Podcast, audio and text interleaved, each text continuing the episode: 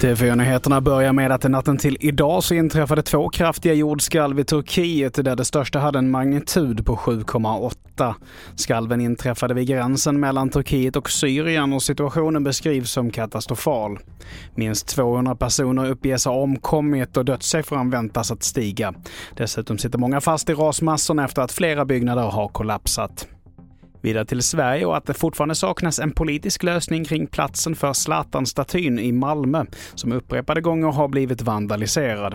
350 000 kronor har Malmö stad avsatt för statyn att ställas ut igen men nu drar reparationen ut på tiden. Det som kommer att hända nu är att när eh, själva arbetet är färdigt så kommer vi i politiken så småningom få ett förslag om var eh, statyn eventuellt skulle kunna stå och sen därefter kommer vi att ta en politisk diskussion om det. Och i inslaget här så hörde vi Janne Grönholm som är ordförande i kulturnämnden i Malmö.